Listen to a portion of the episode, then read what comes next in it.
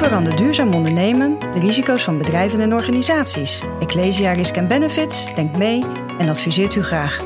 Want wij voelen ons verantwoordelijk voor de wereld van morgen. Ecclesia Risk Benefits, samen, bewust en gerust vooruit.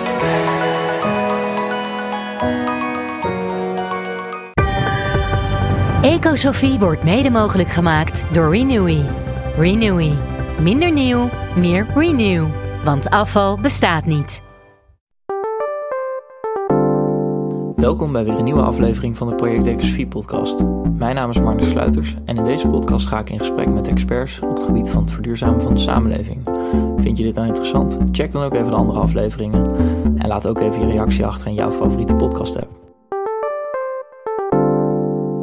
Systeemdenken, dat is waar het eigenlijk om gaat bij uh, Metabolic. Pieter van Ekster, uh, jij zit tegenover mij. Uh, weer een keertje fysiek op anderhalve meter. Ja, fijn is dat. Ja, is leuk. Um, jij adviseert bedrijven over hoe ze bij kunnen dragen aan die circulaire economie waar het eigenlijk om gaat. Zou je eerst kunnen ingaan om wat dat systeemdenken inhoudt? Ja, zeker. Um, systeemdenken komt eigenlijk voort uit het, ja, uit het erkennen van het feit dat, dat de problemen en ook de oplossingen um, complex zijn. En voor het aandragen en het vinden van die oplossingen je niet alleen moet kijken naar individuele organisaties of producten of, of materialen, maar juist naar de, de connecties met uh, de rest van het systeem. Dus het gaat over ja, de relaties tussen verschillende systemen en patronen en ook hoe die uh, elkaar beïnvloeden. Net als een ecosysteem eigenlijk, waarin er een heel web is van ja, dieren, uh, flora, fauna, die ja, met elkaar een evenwicht opzoeken. Ja, en jij zet je daarvoor in bij Metabolic, maar uh, je hebt ook vanuit je studierichting daar al het een en ander over mee uh, gekregen. Kun je eens even ingaan op hoe je daar terecht bent gekomen en eigenlijk die hele zienswijze je is gaan interesseren? Ja, um, voor mij begon dat um, toen ik klaar was met de middelbare school.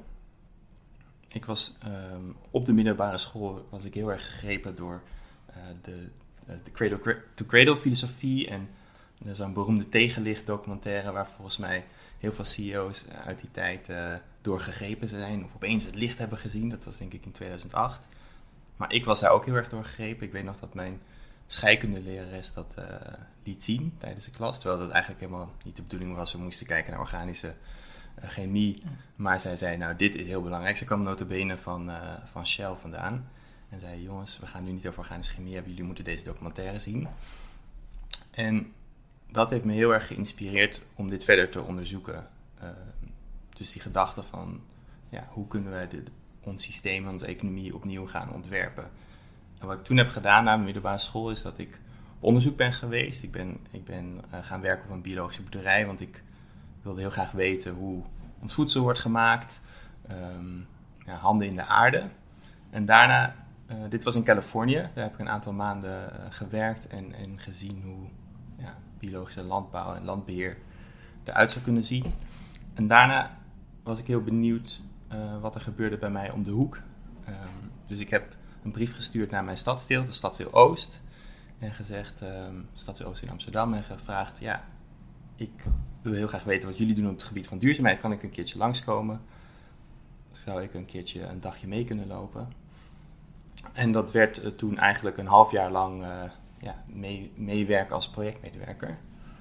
En dat was voor mij uh, ja, heel leuke combinatie. Die combinatie van ja, werken ver af en, en, en aan, landbouw. En aan de andere kant meewerken in je eigen stad aan de verduurzaming van je stadsdeel.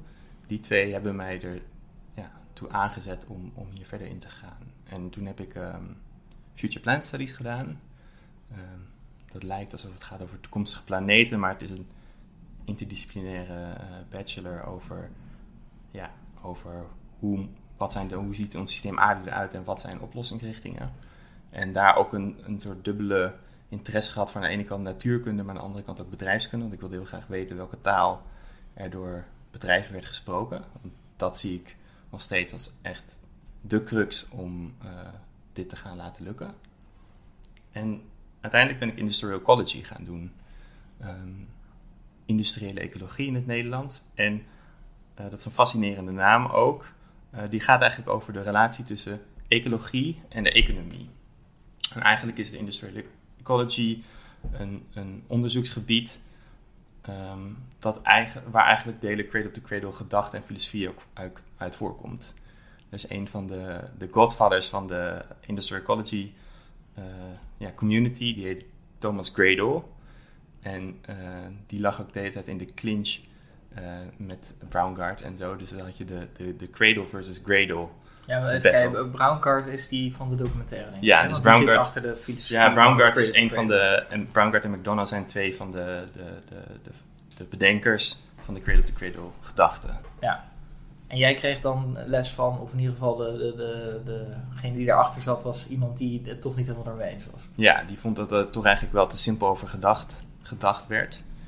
En um, ja, die industrial ecology gaat heel erg over uh, ja, materiaalstromen uh, die door ons economische systeem vloeien. Dus helemaal van boven in, aan het begin in de toeleveringsketen in de supply chain tot helemaal aan het eind, tot afval wordt. En kijken hoe je die systemen kan veranderen om die, die impact op die ecologie uh, te verminderen. En ja. het, het, is ook een, um, het is ook een, een metafoor natuurlijk. Industrial ecology gaat ook over de, metafoor dat we eigenlijk ons economisch systeem zouden moeten inrichten als een ecologisch systeem. Um, waar die veerkrachtig is, waarbij afval niet bestaat. En uh, waarbij er uitwisselingen zijn, industriële symbioses, um, net als in de natuur. Ja, het lijkt een beetje op het verhaal wat ik hiervoor uh, gepubliceerd heb met. Uh, nou ben ik zijn naam even kwijt, maar ik geloof dat jij daar ook naar geluisterd had. al is dat een wat radicale ja. kijk op het verhaal. Ja, precies, dat Nature 2.0 ja. bedoel je. Ja, ja zeker. klopt. Ja, en ik denk dat dat ook heel relevant is in deze tijden van de coronacrisis. Dat ons hele economisch systeem natuurlijk heel erg op efficiëntie is gericht. En we supply chains hebben gemaakt die gewoon niet meer te doorgronden zijn. Maar wel heel belangrijk is om te doorgronden is.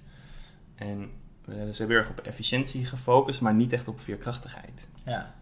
En als ik het goed begrijp, hè, dat industrial ecology, dat breng je eigenlijk wel redelijk in de praktijk, ook met je werk bij Metabolic, denk ik. Hè?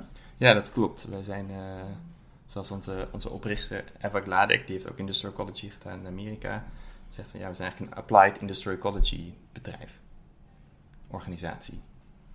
Ja, en wat, wat doet Metabolic precies? Ja, Metabolic helpt uh, overheden, uh, steden, uh, bedrijven en NGO's om oplossingen te vinden en strategieën te ontwikkelen die bijdragen aan onze missie, namelijk zo snel mogelijk de transitie inzetten en de transitie realiseren naar een, een fundamenteel duurzame economie. En daarmee bedoelen we dat we binnen die grenzen van de planeet, binnen de planetary boundaries, blijven als economie. Ja, en dat sluit ook wel heel erg aan op het, het circulair gedachtegoed, hè? de circulaire economie. En je adviseert bedrijven dan uh, ook daarin hoe ze daaraan bij kunnen dragen. Um, maar misschien eerst wel interessant om in te gaan over uh, dat hele containerbegrip circulaire economie. Ja. Wat is dat nou? Tegelijkertijd, eh, de, de naam van Jan-Peter Dominik schiet me net te binnen. Dat was degene die achter Nature 2.0 ja. zat. Maar, ja, dat was een interessant gesprek. Ik had terug, uh, terug naar de vragen. Wat, wat, is die circulaire economie? Ja, ik was toevallig gisteravond uh, ook weer aan het lezen in een, een, artikel dat eigenlijk de grond gelijk maakte met uh, al die vage termen van de, van de circulaire economie. Er zijn geloof ik nu meer dan 114 definities van de circulaire economie. Maar voor ons en voor mij is de circulaire economie een nieuw economisch systeem, een nieuw economisch model dat ervoor moet zorgen dat we onze menselijke behoeftes en uh, waardes kun, in kunnen voorzien, terwijl we binnen de grens van de planeet blijven. Ja, en die grens van de planeet, je had het er net ook al even over, de planetary boundaries, en het stond van de week geloof ik ook weer in het NRC. Um, die zijn daar heel erg belangrijk in. Hè? En dat zijn er negen, opgesteld door een uh, instituut in Stockholm vanuit Zweden is dat gekomen, dacht ik. Ja. Zou je er eens wat meer over kunnen vertellen? Want dat is ook waar Eva Gladek uh, veel over, uh, of eigenlijk dit hele verhaal mee begonnen is, van Metabolic. ja, klopt. Die, om binnen die negen grenzen te blijven. Ja, klopt. Dus, dus er zijn negen grenzen van die planeet gedefinieerd in 2008 door het Stockholm Resilience Center. En um, dat zijn allemaal fundamentele uh, karakteristieken en diensten van de planeet. Um, die wij met onze consumptie en met ons gedrag en met ons verbruik van energie en uitstoot van CO2-emissies aan het overschrijden zijn. Een, een groot voorbeeld is natuurlijk klimaatverandering, maar wat nog veel nijpender is, is biodiversiteitsverlies of het, uh, ja, het, rondstrooien van uh, stikstof. Uh, wat ook weer leidt tot biodiversiteitsverlies overigens, maar ook andere negatieve gevolgen heeft. En met die grenzen betekent niet dat we, dat we dan meteen in de problemen zitten, maar het betekent dat we daarbij in een gevarenzone zitten, waarbij we niet meer in controle hebben wat de uitkomsten zijn. Je over, je loopt de kans om bepaalde tipping points, dus kantelpunten, uh, te overschrijden, waardoor je opeens van de ene staat in de andere staat kan komen. Ja, heel mooi voorbeeld van een tipping point is bijvoorbeeld het wegvallen van het oceaanijs op de Noordpool. Hè? Uh, waardoor het, het, het licht niet weer kaatst, maar juist opgezogen wordt. Ja. Dat je een versneleffect eigenlijk veroorzaakt. Ja, en er zijn tal van, ja, er zijn tal van tipping points ook. Uh, dus het ja, de, de, de, de, sneeuw reflecteert heel veel zon, dus daardoor wordt er minder warmte opgenomen door de aarde. Maar tegelijkertijd met die sneeuwsmelting uh, komt er ook um, heel veel uh, moerassen en methaangassen vrij. En broeikas, extra broeikasgassen vrij, in, die eigenlijk nu opgesloten zitten in uh, ja, de Siberische gronden. Ja, maar goed, nou hebben we het alweer over die nauwe blik op dat klimaatverandering. En de klimaatverandering hebben we een Parijsakkoord, we hebben de Urgenda-zaak waar we hier voor de podcast nog even over praten, omdat jij bij Urgenda ook gewerkt hebt. Ja. En in het nieuws uh, staat de wereld in brand uh, omdat uh, klimaatverandering gaande is. Er zijn ook weer mensen die het ontkennen. Maar er zijn nog geen mensen die biodiversiteitsverlies ontkennen. we hebben natuurlijk wel de stikstofproblematiek gehad, maar dat is omdat er allerlei boeren natuurlijk boos waren Ja. vanwege de wetgeving. Maar van stikstof weet natuurlijk ook bijna niemand wat dat is. Ja. We hebben waterschaarste, is een planetaire grens. En dat soort dingen, dat leeft eigenlijk helemaal niet. En, en daarin Klopt. zouden we een veel holistischere benadering nodig moeten hebben, volgens mij, om dat um, uh, goed te krijgen. Dus is dat ook een beetje de focus die jullie dan hebben? Ja, ja precies. Dus je ziet inderdaad dat er gewoon terecht ook heel veel aandacht is nu voor klimaatverandering. Uh, maar niet terecht in de zin van dat de rest dan vergeten wordt. En ik denk dat dat ook heel erg te maken heeft met dat er een duidelijk getal is, dat het eenduidig is, dat het makkelijk is te doorgronden. Terwijl de, de, de impact die je hebt met je consumptie op uh, ja, het verlies van biodiversiteit is veel abstracter. Um, als jij uh, hier vlees eet, dan heeft dat gevolgen voor Amazone in Brazilië. En daarmee dus ook waarschijnlijk leidt dat tot ja, uitsterven van bepaalde diersoorten. Dus die relaties zijn veel abstracter, maar die zijn er wel degelijk. En, en dat is juist echt precies wat we proberen aan te tonen en in kaart te brengen um, met dat systeemdenken. Ja. Dus als wij met een bedrijf uh, een advies geven of we gaan een, uh, indicatoren ontwikkelen en een strategie ontwikkelen, dan zal dat nooit alleen op gebied van CO2 zijn, maar juist die verschillende functies van zo'n ecosysteem en van ja, de, de planetaire grenzen in, zoveel mogelijk in kaart proberen te brengen. Voor sommigen weten we het ook niet. Hè? Dus um, je hebt één uh, planetary boundary die heet novel entities. Dat klinkt ook wel uh, heel, sp heel, spannend. Maar dat gaat eigenlijk over ja, verschillende che chemicaliën die we allemaal met elkaar produceren en die ja, in onze natuur terechtkomen. Denk aan, aan PFAS, daar was misschien wel wat discussie over, maar we weten niet echt wat dat precies doet met, uh, ja, met onze ecosystemen. Ja, want dat was eigenlijk ook een van de dingen waar ik wel benieuwd naar was. Hè. Ik bedoel, er zijn dan nu negen planet, planetaire grenzen opgesteld.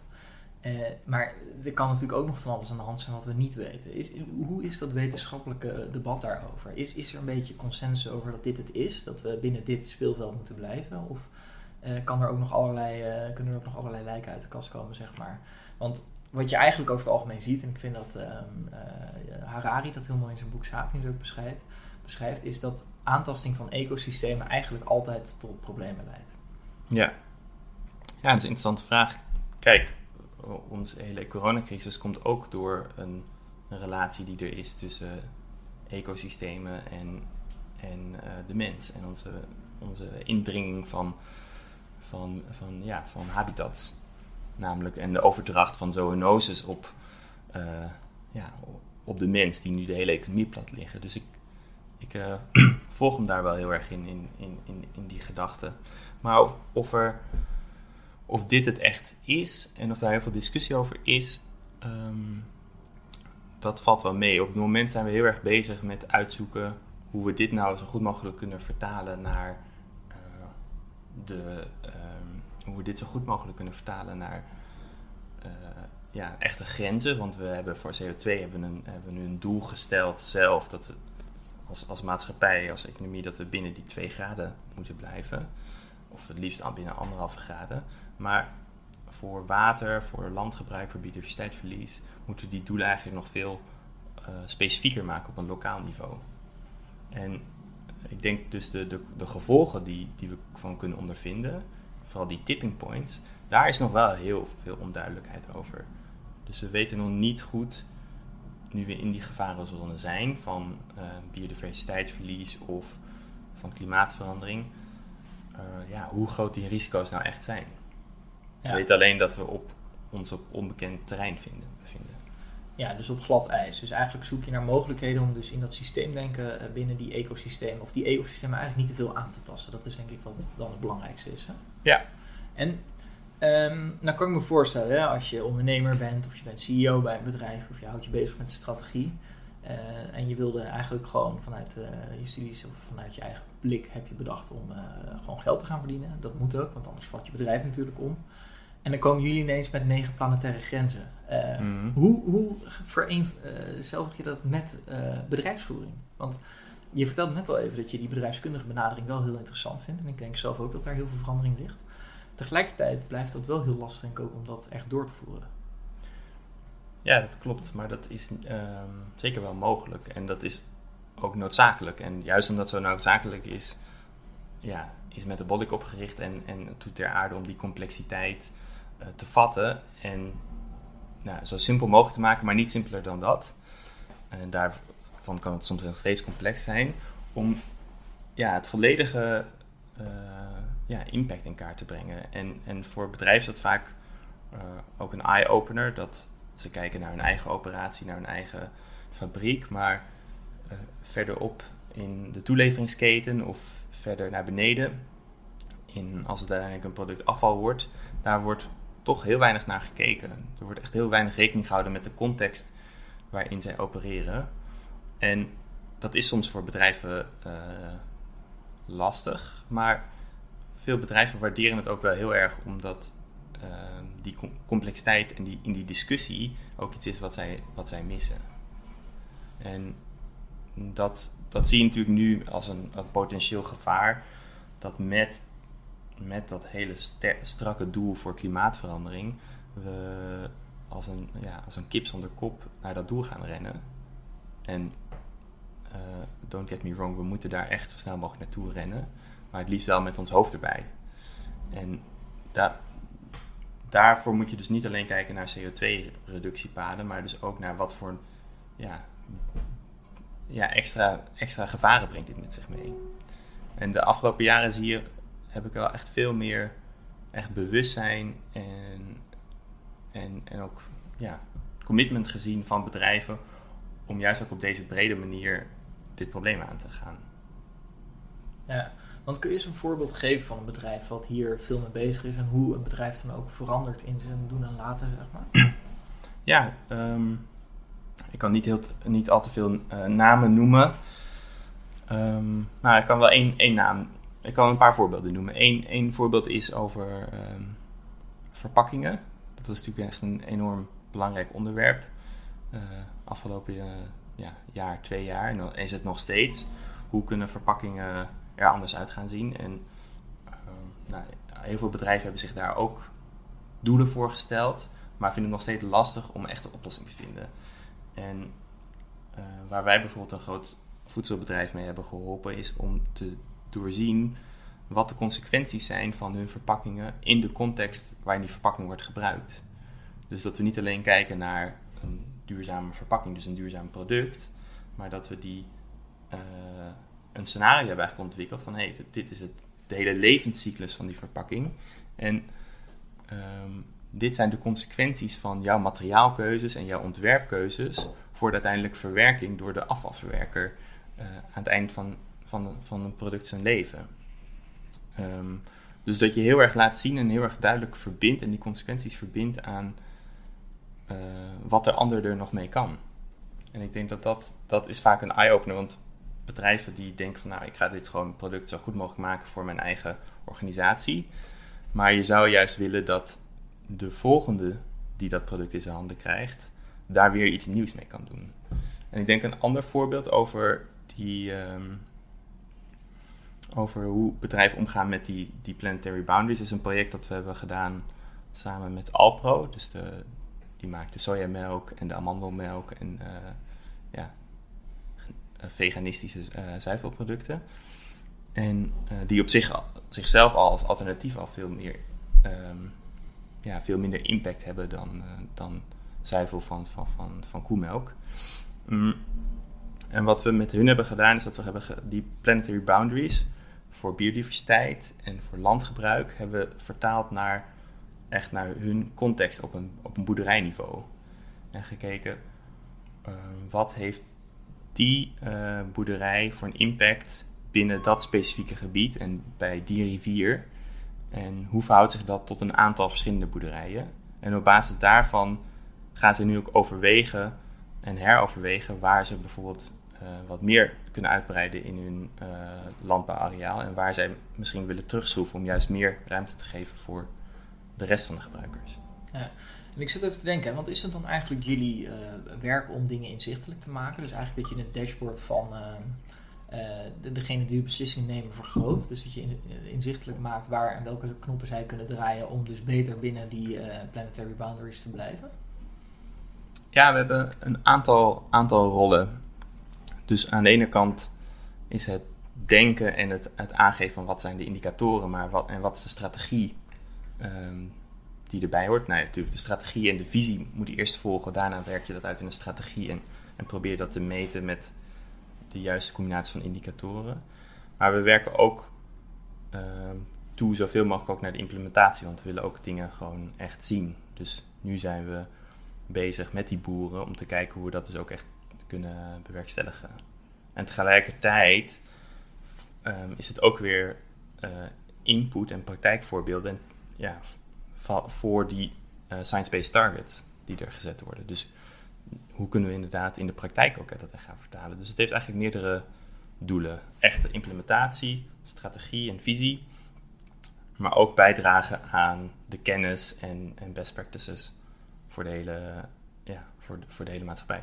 En alles wat jullie doen, want je noemt het die science-based targets, dat is wetenschappelijk uh, gefundeerd, zeg maar. Ja, dus wetenschap en, en, en, en het laatste kennis van het wetenschappelijk gebied is ja, altijd het vertrekpunt bij ons. Oké. En wat ik dan wel nog interessant vind, dat is ook wel een beetje de vraag van uh, vanuit wie moet deze hele transitie nou komen? Bedrijfsleven, overheid of yeah. consument?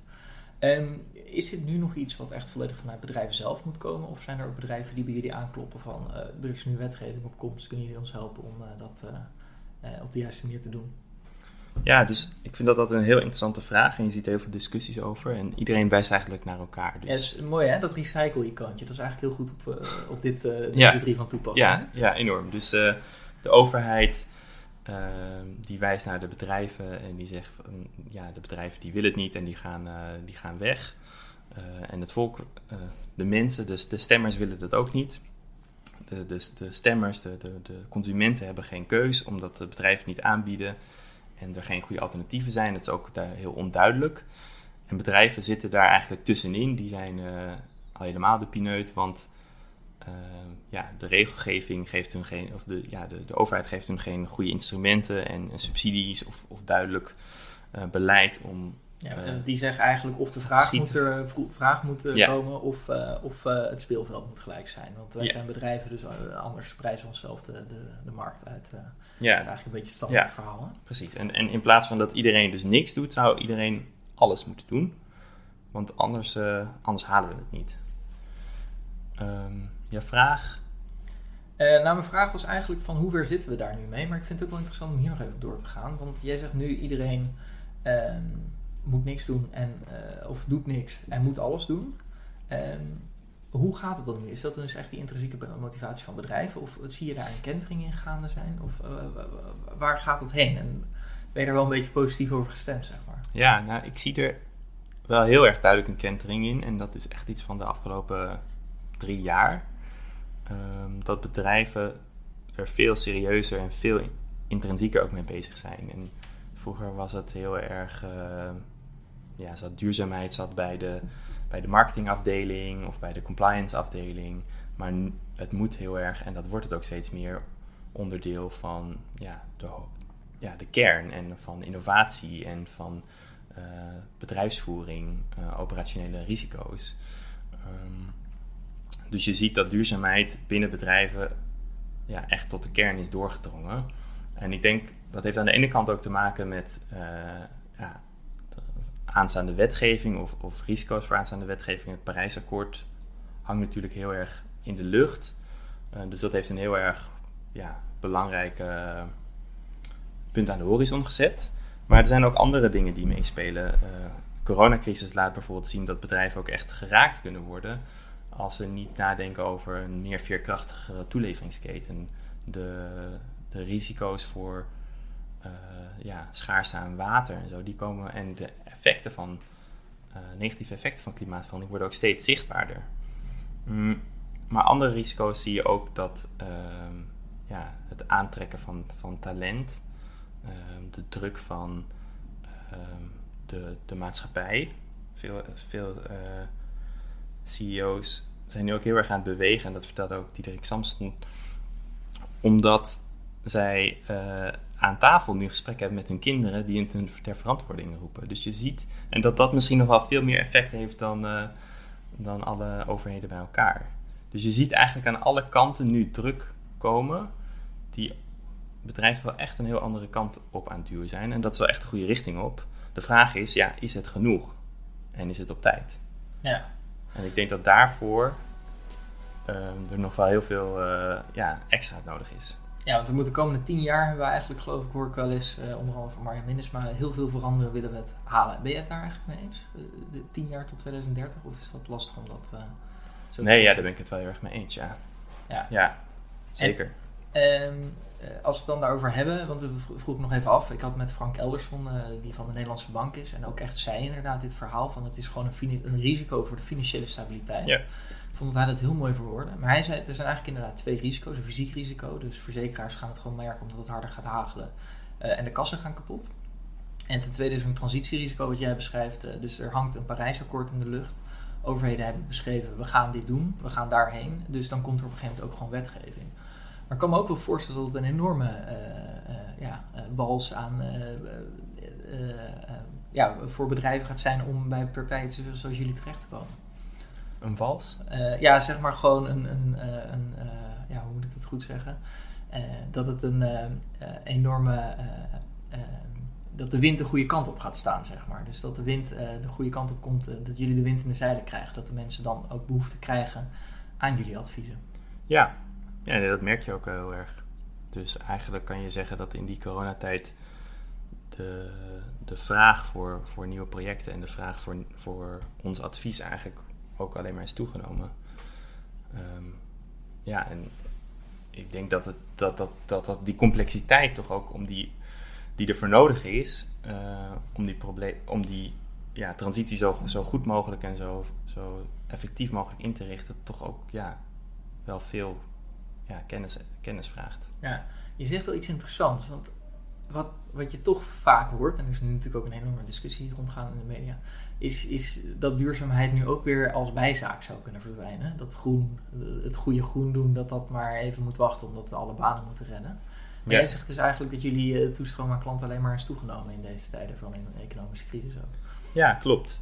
En ja, we moeten natuurlijk kijken hoe zich dat gaat uh, ja, voltrekken in de komende jaren als dan de echte economische klappen worden gevoeld. Maar ik ben toch wel van overtuigd dat, dat uh, die coronacrisis eigenlijk heeft laten zien wat er gebeurt uh, ja, met exponentiële groei. Dus uh, wij laten vaak ook zien, en dat is ook een van de grote zorgen die we hebben, is dat, dat onze toenemende welvaart ook leidt tot exponentiële problemen. Dus exponentiële toename van, van CO2-emissies. En we hebben nu gezien met de coronacrisis wat zo'n exponentiële toename van in dit geval ja, ziektegevallen ook kan doen met de maatschappij. Ja.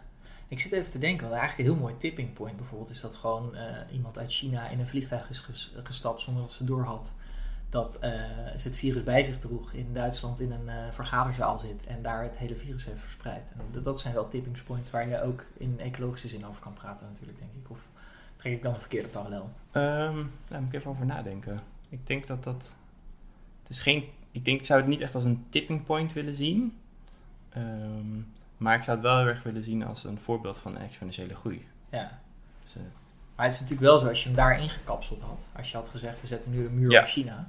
Dan had je dat goed ingeperkt, ja. Dan was het natuurlijk dat tipping point niet voorbij gegaan. Terwijl als je dat tipping point uh, wel uh, bereikt, dan is het natuurlijk op een gegeven moment niet meer tegen te houden.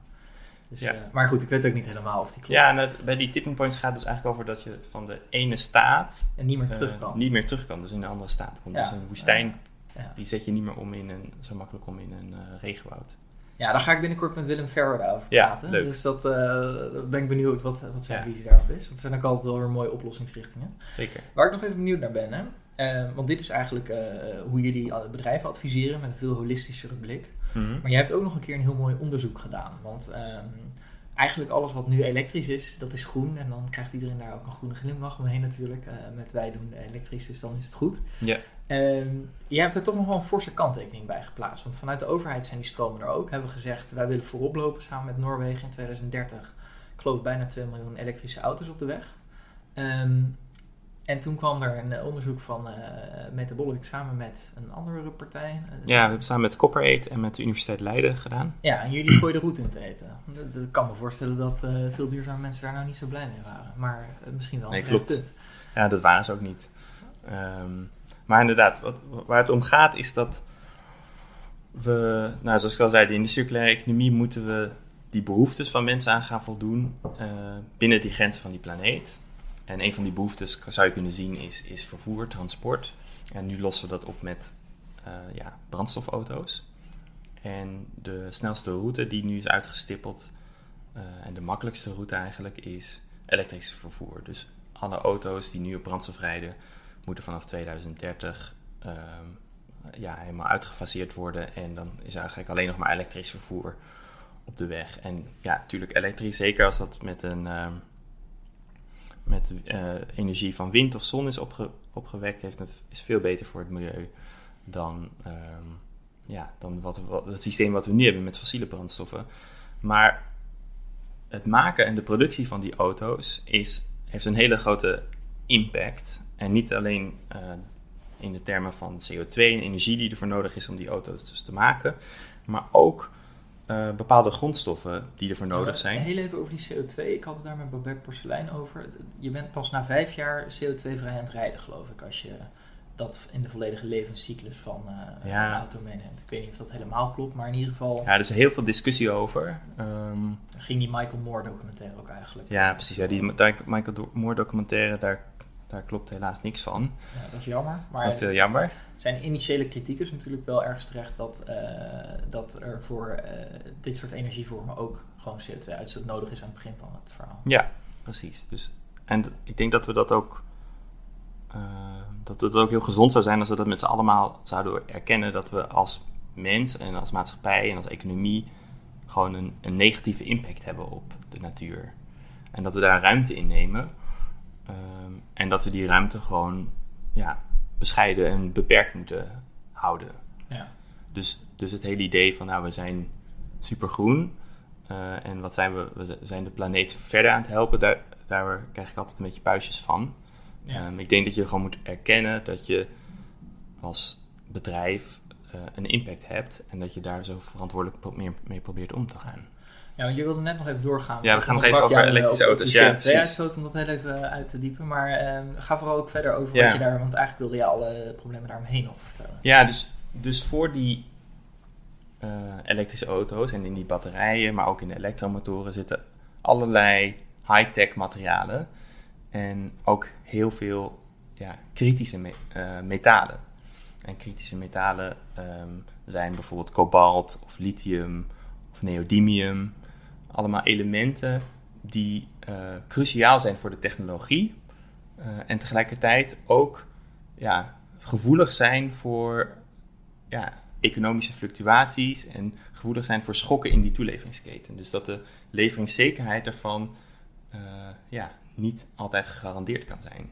Want dit komt namelijk uit, uit een aantal landen. Nou, kobalt is misschien wel het meest schrijnende of het meest bekende voorbeeld, een schrijnende voorbeeld, dat eigenlijk alleen maar in uh, de Democratische Republiek Congo wordt uh, geproduceerd, waar helemaal, uh, dat helemaal verscheurd is door, door burgeroorlog. En vervolgens wordt alles naar China verscheept, daar wordt het geraffineerd en daar, wordt het om, daar worden de batterijen eigenlijk van gemaakt.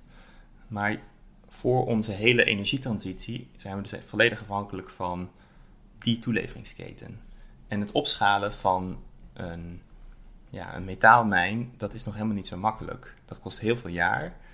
En is dus ook een, een shady business. Want dit is Congo, daar, daar is iets van bekend, maar um, ja, er zijn veel meer voorbeelden. Uh, afgelopen weken was bijvoorbeeld ook in het nieuws dat er een gigantische uh, vervuiling is in, in, in Rusland van een nikkelmijn.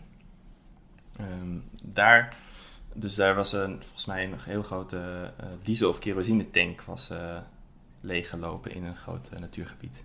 Oké. En wat ik ermee wil zeggen is dat we, als we naar die, in die 20, 30 jaar um, die, die, die transitie moeten inzetten, dat we waarschijnlijk niet genoeg uh, metalen hebben en die productie niet genoeg kunnen opschalen, want het gaat niet om de schaarsheid. Er is in principe voldoende van die metalen in de grond, in theorie.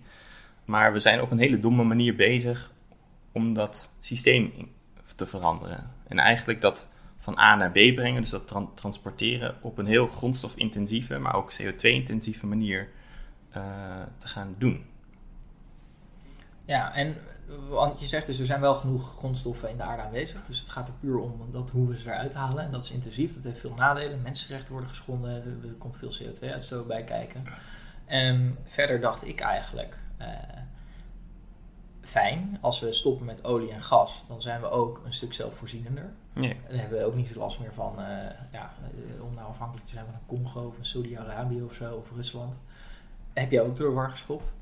Uh, dus dat, dat klopt dan dus ook niet. Nee. wil je daar nog iets over zeggen, over die ge geopolitieke... Ja, dus je komt dus ook in een, in een enorm geopolitiek spel, wat zich ja, eigenlijk al de laatste twintig jaar aan langzaam aan het ontvouwen is, of het, het voorspel is niet bezig. Maar we, lopen echt het risico om, om daar echt uh, de dupe van te worden. Want China speelt een heel belangrijke rol in het raffineren, in het verwerken en het opkopen van mijnen over de hele wereld. En het zelf ook ja, mijnen van bijvoorbeeld zeldzame aardmetalen. En je ziet dat China die controle die het heeft over die grondstoffen ook steeds meer gebruikt om verder op in die toeleveringsketen te klimmen. Dus in plaats van eerst maakt het alleen maar mijnde die grondstoffen en stuurde het naar uh, Duitsland. Dus hier heb je kobalt.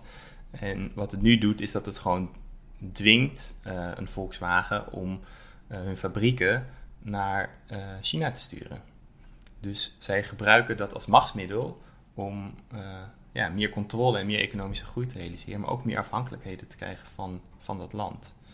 En ja, dat vind ik ook een groot gevaar voor een energietransitie, waarbij we geen tijd te verliezen hebben en ook geen tijd te verliezen hebben, geen tijd te verspillen hebben aan dit soort geopolitieke ja, spelletjes, zou ik willen zeggen. Ja, want als China nu eigenlijk even zegt van joh, we leveren jullie even geen producten meer of uh, grondstoffen meer, want wij hebben ze zelf nodig. Dan zijn wij eigenlijk de sjaak. Ja.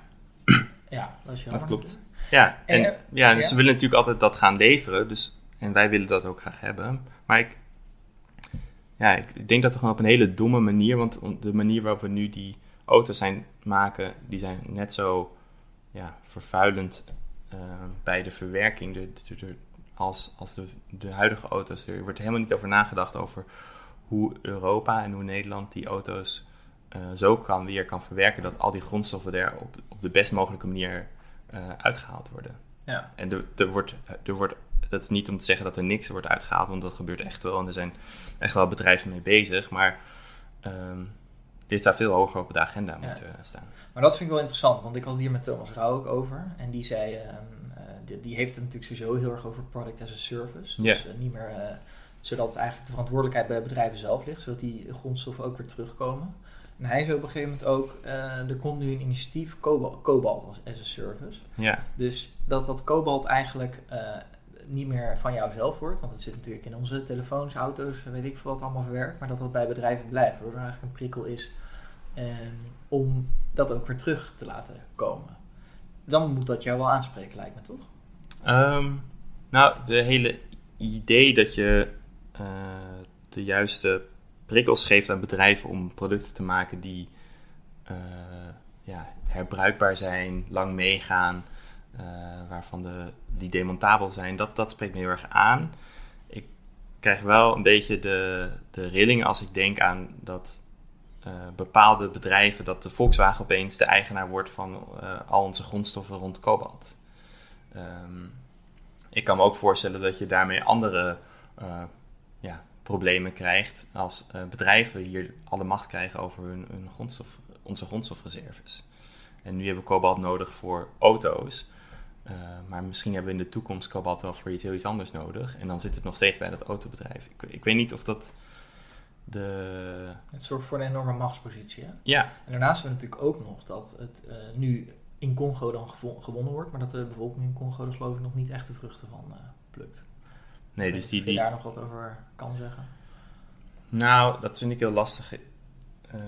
Wat ik wel weet en ook gesprekken met ja, grote mijnbouwbedrijven en hun, en hun duurzaamheids uh, CEO's, als we af en toe verder in die keten moest duiken voor een leverancier, is dat het ook gewoon zo ontzettend intransparant is en zo ontzettend vage, shady business is, dat ja, daar nog een hele wereld aan te winnen is aan die transparantie in die keten.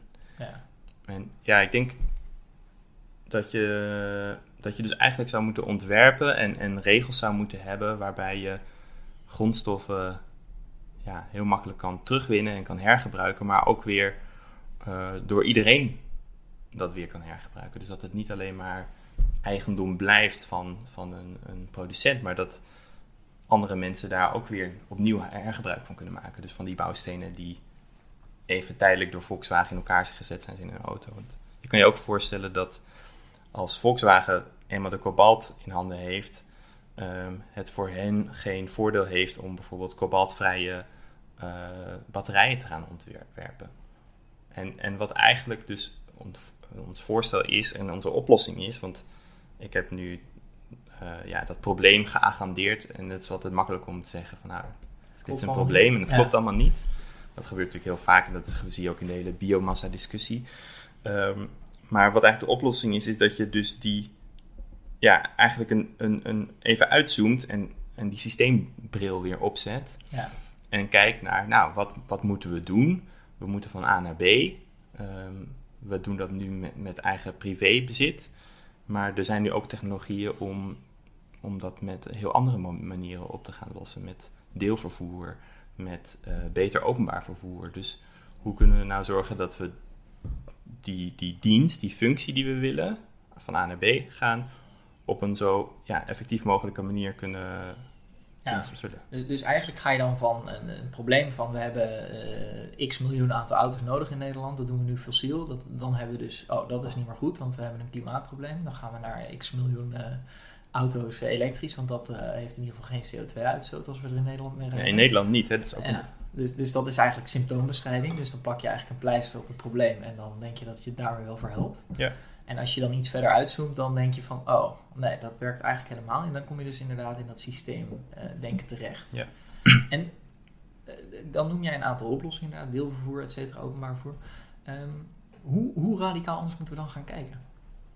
Ja, daarvoor moet je wel vrij radicaal anders kijken. En dus heel erg gefocust zijn op de functie en de diensten die we, die we nodig hebben. En niet meer zo traditioneel denken uit de, ja, uit de producten en de, die, wij, die wij nu gebruiken. Dus het vraagt echt wel een, een heel andere, andere blik om echt een serieuze kans te hebben om, om doelstelling te halen en binnen die grens van die planeet te blijven. Want dat, ja, we, we, je hebt ook een, uh, ik ben misschien bekend ook met donut economics. Ja. Dat komt eigenlijk voort uit uh, die planetary boundaries. Dus, maar naast die grenzen aan de planeet stellen zij dus eigenlijk een onderkant, dus de, ja, een vloer aan uh, wat voor sociale wat voor minimale sociale behoeftes we nodig hebben. Dus we hebben iets van energie nodig voor uh, behoeftes. We hebben voedsel nodig, onderwijs. Zo zijn er een aantal aspecten. En daar heb je eigenlijk die donut waar we dus tussen moeten blijven. Ja. En als je nu kijkt naar hoe uh, landen bijvoorbeeld doen Ehm, ten opzichte van zowel de sociale voorzieningen in sociale voorzieningen en, en uh, ja, well-being en health en tegelijkertijd de, de grondstof-impact en de CO2-impact en de impact op de planeet, dan is dat een directe correlatie. Ja, dus eigenlijk correleert het. Hè? Dus uh, de, de westerse welvarende landen die hebben uh, heel veel welvaart, dus hoog onderwijsniveau, hoge levensverwachting, dus veel gezondheid, et cetera. En tegelijkertijd ook een enorme impact op de planeet. En de landen die eigenlijk het allemaal niet zo goed doen, die hebben tegelijkertijd ook een hele lage footprint uh, op de planeet. En een van de grote problemen is volgens mij ook dat het een soort polonaise is. Dus op het moment dat die welvaart gaat stijgen in de lager ontwikkelde landen, dan neemt ook die uh, voet, voetafdruk toe. klopt dat als ik dat zo zeg? Um, ja, wat bedoel, je, wat bedoel je precies met de Polonaise? Want dan heb je meer nou, Als je het je voorstelt in een streep, dus je kan die welvaart laten groeien. Eh, dan is het probleem dat die landen die eh, nu nog een lage welvaart hebben, natuurlijk richting die hoge welvaart willen bewegen. Ja. Maar dat dat gepaard gaat eigenlijk met, ehm, dus wat je zegt, die directe correlatie, dat dat gepaard gaat met eh, het overschrijden van die planetary boundaries. En dat we dus eigenlijk naar een systeem toe moeten waarbij zij eigenlijk niet daar achteraan lopen, maar dat zij op een manier groeien die binnen die planetaire grens ja. is. Ja, dus je ziet eigenlijk dat je als je dus een diagonaal voor je ziet van, uh, en dat dan rechtsboven is hoge impact en, en goede gezondheid welzijn, dan zie je dat dat dus een rechte streep is, of een diagonale streep is, en dat we dus eigenlijk allemaal naar linksboven moeten, namelijk naar goed welzijn, maximaal welzijn en, en, en, en heel lage impact. Ja. Dus dat is een uitdaging voor zowel de, de, de onderkant, dus de linker onderhoek, namelijk de, de, de ontwikkelingslanden, of landen die nog, ja, nog niet voldoen aan die, die sociale onderkant, om ja, recht naar boven te gaan, dus met zo min mogelijk extra impact op de planeet. En tegelijkertijd voor de rijke landen om dus hun impact zoveel mogelijk te reduceren naar de linkerkant. En is dat haalbaar door systeem te denken? De systeemdenken? Ja, ik, ik ehm, denk het wel. Ik denk dat het enorm complex is. Uh, maar als wij ons allemaal toestaan om zo te denken en, en, en echt radicalere stappen te maken, dan, dan denk ik dat het, dat het mogelijk is. Ehm, er is veel voor nodig, maar door echt goed aansluiten op de context, door goed te kijken naar ja, wat hebben we nodig en hoe kunnen we daarin op de meest effectieve manier in voorzien. En niet alleen maar te sturen op één doel, zoals CO2-emissies of primair materiaalgebruik, want dat is ook een een uh, vrij ridicule uh, doelstelling voor de circulaire economie. Maar dat breed kijken, dan, uh, ja, dan denk ik dat we wel zo, zo dicht mogelijk in de buurt komen in ieder geval. Ja. Als we dat nog heel even concreet hebben over die elektrische auto's, hè, dus dat je daar een radicaal benader, andere benadering op toepast, dan had je het net al over de deelauto's en ander OV. Stel, we hebben dat over tien jaar geïmplementeerd. Hoe moet ik me dat voorstellen dan? heb je daar een concreet beeld bij? Um, ja, wat ik dan voor me zie is dat ehm, je, je beweegt tussen grote, ja, grote steden of grote uh, hubs. Uh, hubs klinkt er weer heel erg, uh, daar krijg je ook weer een beetje jeuk van, maar ik bedoel knooppunten. Ja. Knooppunten in, door het land. waar je bijvoorbeeld met heel goed openbaar voer, met een hele goede treinverbinding naartoe kan komen. Of een, een, een snelle waterstofbus. Of misschien ook wel een elektrische bus. Dus dat, dat elektrisch auto's zijn er wel. Ehm, maar vanaf dat punt, vanaf die knooppunt, uh, vertak je dan nog verder. Bijvoorbeeld met een, een, een deelvervoer, dus een, een deelelektrische auto, die je dan die laatste 10 kilometer brengt. Maar je kan natuurlijk ook de fiets nemen of een elektrische fiets, die niet alleen voor jou is, maar die je gewoon even tijdelijk gebruikt. Dus je krijgt een, echt een meer netwerk van vervoerssystemen. Ja, een soort metro, maar dan landelijk. Ja. ja. Oké, ik denk dat we het gesprek wel redelijk rond hebben zo. Dan ben ik zo toe aan mijn laatste vraag. En die is altijd hetzelfde. ik vond het wel grappig dat je net ook al zei dat uh, veel beleidsbepalende of invloedrijke mensen met hun kinderen aan de keukentafel zitten. Die nu ook zeggen van pap, mam, we moeten het anders gaan doen. Maar die, die kinderen zullen natuurlijk ook eh, van alles uh, aan invloed eh, Ja. uit te geven eigenlijk. Want je hebt toch 40 uur of misschien wat meer of misschien wat minder. Maar wat zou je mee willen geven aan de millennial die aan de start van zijn of haar carrière staat? Ja, je ziet dus eigenlijk al dat voor je carrière dat je al eh, impact en invloed kan hebben. Dus mijn tip zou zijn om een rol te pakken, wanneer of dat in je carrière is of buiten je carrière, maar een rol te pakken die bij jou past op dat moment. Dus of jij aan de keukentafel zit, of dat jij een, een muziekstuk ten gehore brengt, of dat jij een, eh, een data-analyse maakt. Eh, kies een rol die bij jou past en zet die in voor een organisatie of voor een project die radicaal genoeg is en die eh, bijdraagt aan het halen van die doelstelling in de komende 10 tot 20 jaar. Oké, mooie boodschap. Dankjewel Pieter. En eh, ga vooral ook zo door met waar je mee bezig bent. Want zelf eh, ben je dat zeker aan het doen volgens mij. Dus Ja, top. Ja. Ehm, zit nog even, vind je deze carrière tips nou interessant? Ik heb ze allemaal verzameld en uitgeknipt op een los kanaal. Dus eh, als je zoekt in jouw favoriete podcast app op carrière tip, dan kun je alle losse carrière tips eh, doornemen. En daar zal die van eh, Pieter ook op verschijnen. Dank voor het luisteren weer. Schone lucht, gelijke kansen, een circulaire economie. Dat is allemaal niet links of rechts. Een mooie toekomst, daar moeten we samen aan werken. Teken daarom ook voor een duurzaam regeerakkoord. Ga naar duurzaamregeerakkoord.nl en teken het manifest.